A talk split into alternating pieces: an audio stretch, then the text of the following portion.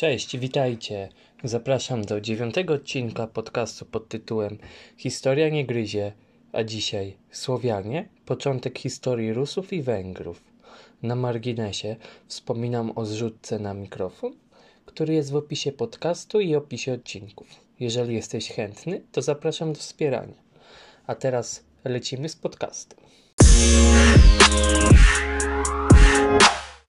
Swoista ekspansja Słowian wcześniej e, te, luny, te ludy określane e, były prasłowianami, zaczęła się pod koniec V wieku naszej ery i związane to mogło być z wędrówką ludu cechującą właśnie V wiek naszej ery. Kultura typowo słowiańska dominowała środkową oraz wschodnią Europę, między innymi też Bałkany. E, w VI wieku Słowianie zaczęli wędrówkę w kierunku Dunaju, skąd rozpoczęli swoiste grabieże i najazdy, głównie tereny Cesarstwa Bizantyjskiego. Armia typowo słowiańska składała się z wojowników, którzy walczyli bez zbroi, za pomocą tarczy i włóczni. No i takie dane przedstawiają kronikarze tacy jak Prokopiusz Cezarei yy, albo Jordanes, tak? Tutaj wspomniałem o takich typowych źródłach potwierdzających moją tezę. Jak pewnie się domyślacie, początkowo Słowianie prowadzili typowo koczowniczy tryb życia, zakładali oni małe osady, których istnienie zależne było od użyźnienia gleby. Kiedy gleba się wyławiała, to znaczy nie dawała odpowiednich plonów, osady zazwyczaj były przenoszone w inne tereny, w domyśle bardziej żyzne. Istnieje również tak zwany podział Słowian między innymi na Antów, którzy osiedlali się w Europie Wschodniej oraz Skawenów, czyli tych, którzy ruszyli na zachód oraz tereny południowe. Warto też wspomnieć, że początkowo Słowianie, jak i kiedyś Germanie, nie tworzyli naturalnej jedności administracyjno-kulturowej, lecz yy, wszystko to było bardzo rozdrobnione. Warto wspomnieć yy, zestawić e, razem z historią Słowian e, plemię tureckie Awarów, którzy wtargnęli na tereny Europy w drugiej połowie VI wieku i utworzyli oni w Panonii, czyli mniej więcej dzisiejsze tak Węgry, coś takiego, kaganat awarski. I Panonia to nic innego jak właśnie tereny zachodnich Węgier, wschodniej Austrii, północnej Chorwacji, Słowenii, no i północno-zachodniej Serbii. E, wyprawach łupieszczych razem z awarami właśnie brali udział wojownicy słowiańscy, którzy e, czerpali korzyści z tych wypraw głównie w postaci łupów. E, warto tutaj wspomnieć o państwie niejakiego Samona, istniejące w latach 623-660, istniejące na terenie Czech i Moraw, no i ewentualnie na, teren, na terenach Dolnej Austrii polskich Łużyc. E, Słowianie i Awarowie, można powiedzieć, lekko się ze sobą zespoili i połączyli siły. I nawet w 626 roku wspólnie oblężyli Konstantynopol, no, którego to nie udało im się oczywiście zdobyć, a przewodził tej wyprawie właśnie kupiec zwany Samonem. Rządzone przez niego państwo to był po prostu luźny zlepek e, plemion i różnych takich można powiedzieć zgromadzeń etnicznych, e, państwo przestało istnieć po jego śmierci. Na przełomie VIII i IX wieku też wcześniej wspomniany Kagana Tawarski też został unicestwiony przez Karola Wielkiego i po osłabnięciu cesarstwa, o którym wspomniałem zresztą we wcześniejszym e, odcinku podcastu odnośnie traktatu Werdę, sy- sytuację wykorzystał niejaki Moimir, numer porządkowy pierwszy, który stworzył własną monarchię patrymonialną, zwaną monarchią wielkomorawską. Można powiedzieć, że ustrojem jego państwa był ustrój wzorowany właśnie na Karolinkach. E, książę Moimir stacjonował głównie w Grodach, na Morawach i to są m.in. dzisiejsze Czechy i naczelniki e, w jego e, państwie byli to żupani, którzy rządzili danymi grodami, a grodom podlegały właśnie mniejsze osady i gospodarstwa. Zarówno Moimir, jak i jego następcy prowadzili dosyć ekspansjonistyczny e, tryb rządzenia swoim e, państwem, co oznacza, że stale chcieli się rozszerzać i lubili dużo walczyć, tutaj mówiąc bardzo kolokwialnie. Podbili tereny dzisiejszej Słowacji, Czech, Śląska i Małopolski. Ze względu na tak ogromne terytorium nazywano je ambiwalentnie Wielkimi Morawami. I Mojmir też w 831 roku przyjął chrzest i fundował na swoim terenie pierwsze kościoły. Głównie one były w grodach sprowadził na tereny swojego państwa duchownych. Państwo wielkomorawskie y, nie uzyskało zgody na utworzenie własnego biskupstwa ze strony papieża Rzymu, dlatego zwrócili się o pomoc patriarchy Konstantynopola w 863 roku i na tereny Moraw wysyłani zostali bracia misjonarze Cyryl oraz Metody.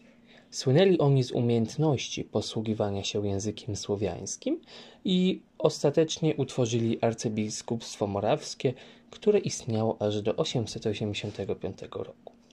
Ważne jest to, że w tym arcybiskupstwie, chyba jako jedyny w okręgu kościoła, używano języka słowiańskiego w liturgii.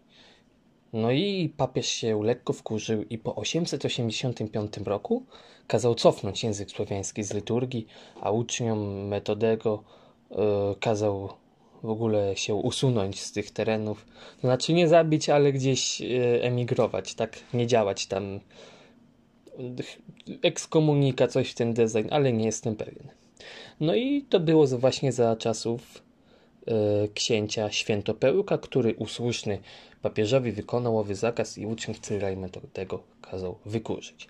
E, jeżeli chodzi o Cyryla i Metodego, to e, byli to misjonarze duchowni i, pochodz- i, byli, i są to aktualnie święci Kościoła greckiego i katolickiego. I właśnie z pochodzenia byli oni Grekami i działali ewangelizacyjnie, yy, na przykład na terenach Krymu, Półwyspu Arabskiego i na terenach Bułgarii. Z racji tego, że znali oni słowiański, utworzyli pierwszy alfabet słowiański y, na zasadzie liter greckich, tak zwaną głagolicę na język słowiański przetłumaczyli oni teksty liturgiczne oraz fragmenty Biblii. I właśnie ów język głagolica nazywany jest cyrylicą, czyli to ruskie pismo. I ono teraz nie jest, e, można powiedzieć, cyrylicą, tylko ona uległo, można powiedzieć, e, pewnym zmianom i to się chyba nazywa grażdanka aktualnie, ale nie jestem pewien, także zapraszam do sprawdzenia w źródłach. Cyryl umarł jako pierwszy z braci, natomiast metody dalej kontynuował swoją misję ewangelizacyjną i właśnie Niedługo potem upadło państwo wielkomorawskie, no i spowodowane to było najazdami plemion e, Węgrów. No wtedy jeszcze oni się nazywali Madziarami. No i tereny Wielkich Moraw przejęła dynastia Przemyślidów, no i oni ustanowili swoją stolicę w Pradze. I pierwszym królem właśnie, i to chodzi już tutaj o, o Czechy, tak? A upadkiem właśnie państwa wielkomorawskiego to się przyczyniły m.in. plemiona Węgier. I pierwszym królem dynastii Przemyślidów był Władz, Wacław, który uczynił swoje państwo lennem wobec Henryka I, o którym wspominałem w poprzednim podcaście. Przypominam, lata około 919 coś takiego zaczął rządzić. Chyba. Jeżeli chodzi o Słowian osiedlających się na Bałkanach, czyli o Słowianach, którzy można powiedzieć yy, wyruszyli na, bardziej na południe, to trzeba być świadom, że pod koniec VII wieku najechali te ziemie Bułgarzy, i to nie są Słowianie, na czele których stał Han Asparuch. Większ, pewnie mi ktoś zarzuci, że się czyta Czan, ale ja czytam nazwami polskimi i tak y, raczej będzie, jeżeli nie będę mieć pewności leksykalnej. No i z czasem, właśnie wracając do tematu, Bułgarzy, którzy właśnie najechali ziemię bałkańską, ulegli właśnie slawizacji z lokalnymi Słowianami i przejęli oni od nich kulturę oraz język. I warto wspomnieć też o tym, że toczyli oni potężne wojny z Cesarstwem Bizantyjskim. W 866 roku Bułgarzy przyjęli chrzest w obrządku greckim. I warto wspomnieć tutaj o Bazylim II, zwanym Bułgarobójcą. I był on cesarzem w latach 976-1025 z dynastii macedońskiej. Nie ożenił się on nigdy, był przez całe życie, można powiedzieć, samotnikiem, wspaniałym był dowódcą. I za jego, świet... i za jego lat panowania Bizancjum było najbardziej świetne, chyba można powiedzieć od Justyniana, od czasów justyniańskich. Także e, tutaj trzeba być tego świadom, że ten Bazylii II jednak jest ważny w historii Cesarstwa Bizantyjskiego. I ciekawostka jest taka, że w 1014 roku naszej ery pokonał cara Samuela, czyli cara Bułgarów i Bazylii zwyciężając yy, tam bitwę, już nie pamiętam nazwy której, przepraszam bardzo, yy, w jednej z bitew rozkazał oślepić tysiąc bułgarskich jeńców, których pojmał do niewoli yy, i każdemu z nich kazał wydłubać oczy, tak, tysiącom bułgarskim jeńcom i co setnemu zostawiał jedno zdrowe oko, aby mógł ich prowadzić do domu. Czyli takich z jednym sprawnym oczkiem to było chyba dziesięciu.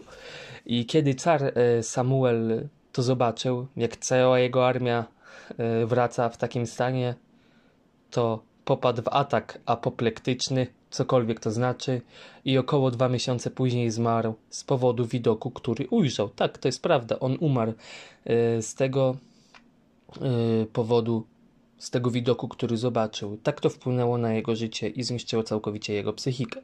I ostatecznie na początku XI wieku cesarstwo podbiło Bułgarów. Także widzicie, e, warto też się dla miłośników, tutaj mówię, dla filomanów historii, uczyć się też historii lub nawet pobieżnie przeczytać historię różnych państw.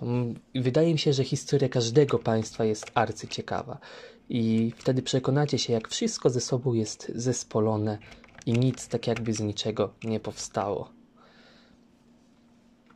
W dziewiątym yy, i X wieku powstała, na, znaczy na przełomie IX i X wieku, powstała również Serbia, która ulegała właśnie wpływom typowo bizantyjskim i właśnie dlatego nawet do dzisiaj Serbia jest głównie prawosławna. Przez wiele wieków e, podporządkowana Bizancjum i dopiero e, w XIV wieku stali się e, potęgą zapanowania cara Stefana Duszana i wtedy można powiedzieć byli bardzo potężni, ale do czasu aż e, tu, Turcy osmańscy dotarli do Macedonii w 1371 roku w 1389 roku w bitwie na tak zwanym Kosowym Polu Turcy pokonali koalicję serbsko-bośniacką i Serbia znalazła się pod tureckim zwierzchnictwem, a część e, ludności przeniosła się do Węgier. I klęska Turków w bitwie pod e, Ankarą w 1401 roku umożliwiła na krótko odbudowę Serbii i Serbia ponownie upadła podczas kolejnych e, wypraw tureckich w latach 1454-1459. Te daty, o których mówię w historii Serbii, nie są ważne do zapamiętania, jednak wszystko wcześniejsze, co mówiłem, raczej jest. Na pewno warto zapamiętać. Przejdziemy teraz do Rusi Kijowskiej. Nad środkowym e, i górnym Dnieprem i Wołgą istniały główne ośrodki władzy jeszcze plemiennej i był to m.in. Nowogród Wielki i Kijów. Plemiona te były, można powiedzieć, niezależne od siebie, aż do przebicia Waregów, czyli wikingów, yy, najprościej to mówiąc, z terenów Szwecji. Waregowie to są ci ze Szwecji, a Normanowie to są ci z Norwegii oraz Danii. E, którzy, jak wspominałem w poprzednim podcaście yy, odnośnie Waregów, emigrowali na terenie Wołgi i środkowego Dniepru. Yy, sami siebie Waregowie nazywali Rusami lub Rosami, także stąd ta nazwa Rosja, Ruś, Ruś Kijowska, to wszystko jest ze sobą, tak jakby można powiedzieć, połączone. Oczywiście wtedy nie było czegoś takiego jak Rosja, tylko na początku to była Ruś Kijowska, ale do tego jeszcze przyjdzie. E, przewędrowali oni mniej więcej w VIII wieku i byli całkiem zaradni. Handlowali z Arabami, wędrowali sobie szlakami Morza Czarnego i mieli własne kontakty nawet z Bizancjum. I głównym wodzem Waregów takim pierwszym znanym historycznie był Ruryk, który objął właśnie rządy w Nowogrodzie i następcą Ruryka był Oleg, zwany Mądry, który był jednocześnie krewnym Ruryka i skonsolidował on swoją władzę i nie oddał jej synowi Ruryka, który miał na imię Igor. Także pamiętajcie, że Igor to takie typowo Ol, Oleg to takie typowo ruskie imiona. I opanował on e, właśnie zbrojnie inne plemiona i w 882 roku zajął Kijów i stąd właśnie narodziła się nazwa Rusi Kijowskiej. Przez następną setkę lat Rusowie prowadzili wojnę e, z Hazarami ze stepów, Bułgarami i jednocześnie ich głównym celem było utrzymywać dobre stosunki z Bizancjum i właśnie dzięki temu około 972 roku władzę w Nowogrodzie przejął Włodzimierz zwany Wielkim i to za jego panowania e, Rosja przyjęła w 988 roku chrzest. Warto też pamiętać, że on opanował Kijów i podporządkował sobie Grody Czerwieńskie. Właśnie Rosja jest, można powiedzieć, chrześcijańska od 988 roku i właśnie przyjął chrzest y, za pośrednictwem Bizancjum. No i jak widzicie, nawet chyba do dzisiaj Rosja trzyma się właśnie tej prawosławnej strony y, religii. Tak, tam są popowie, y, cerkwie, to wszystko jest, ma swoje korzenie od Bizancjum. I no i mniej więcej tak wygląda początek Rusi. I pamiętajcie, że tym pierwszym e, takim władcą historycznym, chociaż nie znam pierwszych źródeł, ale tak przemawiają podręczniki, z których się e, uczycie w liceum lub też w gimnazjum, podstawówce, nikogo tutaj nie skreślam, właśnie był Ruryk. Teraz przejdziemy do Węgier. Więc tak, Początkowo Węgrzy nazywani byli Madziarami i były to ludy nie słowiańskie, ale ugrofińskie. Najprościej mówiąc, to były e, ludy, typ, ludy zwane bałtyckimi. Opuścili oni siedziby Uralu i Wołgi, emigrując na zachód i po kilkusetletniej wędrówce ukształtowali się i w połowie IX wieku zaczęli wyprawiać się za góry Karpaty. Najeżdżali oni m.in. Karolingów i sprawiali im ogromne problemy. Przyczynili się również do upadku państwa wielkomorawskiego. Terytorium dzisiejszej Słowacji przejęli sobie w XI y, wieku i Słowacja w sumie była podległa przez prawie tysiąc lat coraz to innym hegemonom i warto o tym zapamiętać i mieć to w głowie, gdyż jest to godne podziwu, że nie zapomnieli oni o swojej autonomii przez taki kawał czasu. E, wracając do Węgrów, osiedlili się oni w Panonii. E, przegrali oni niestety bitwę, o której wspominałem w ostatnim odcinku podcastu. To jest bitwa na Lechowym Polu w 1955 roku, co pozbawiło ich e, źródeł dochodu. No i był lekki kryzys. W 974 roku przyjęli oni chrzest zapanowania książa Gejzy i w tysiąc roku jego syn Stefan I Wielki otrzymał zgodę cesarstwa i papiestwa na koronację.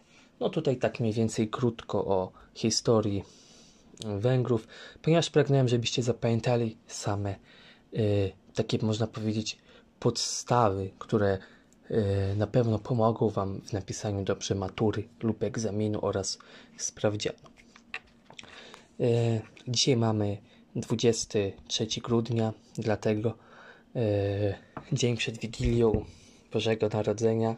Dlatego pragnę Wam życzyć błogosławionych świąt Boże, Bożego Narodzenia, pomyślnego Nowego Roku, abyście spędzili święta ze swoją rodziną w cieple domowym i aby Jezus Chrystus przyszedł i narodził się w Waszym sercu.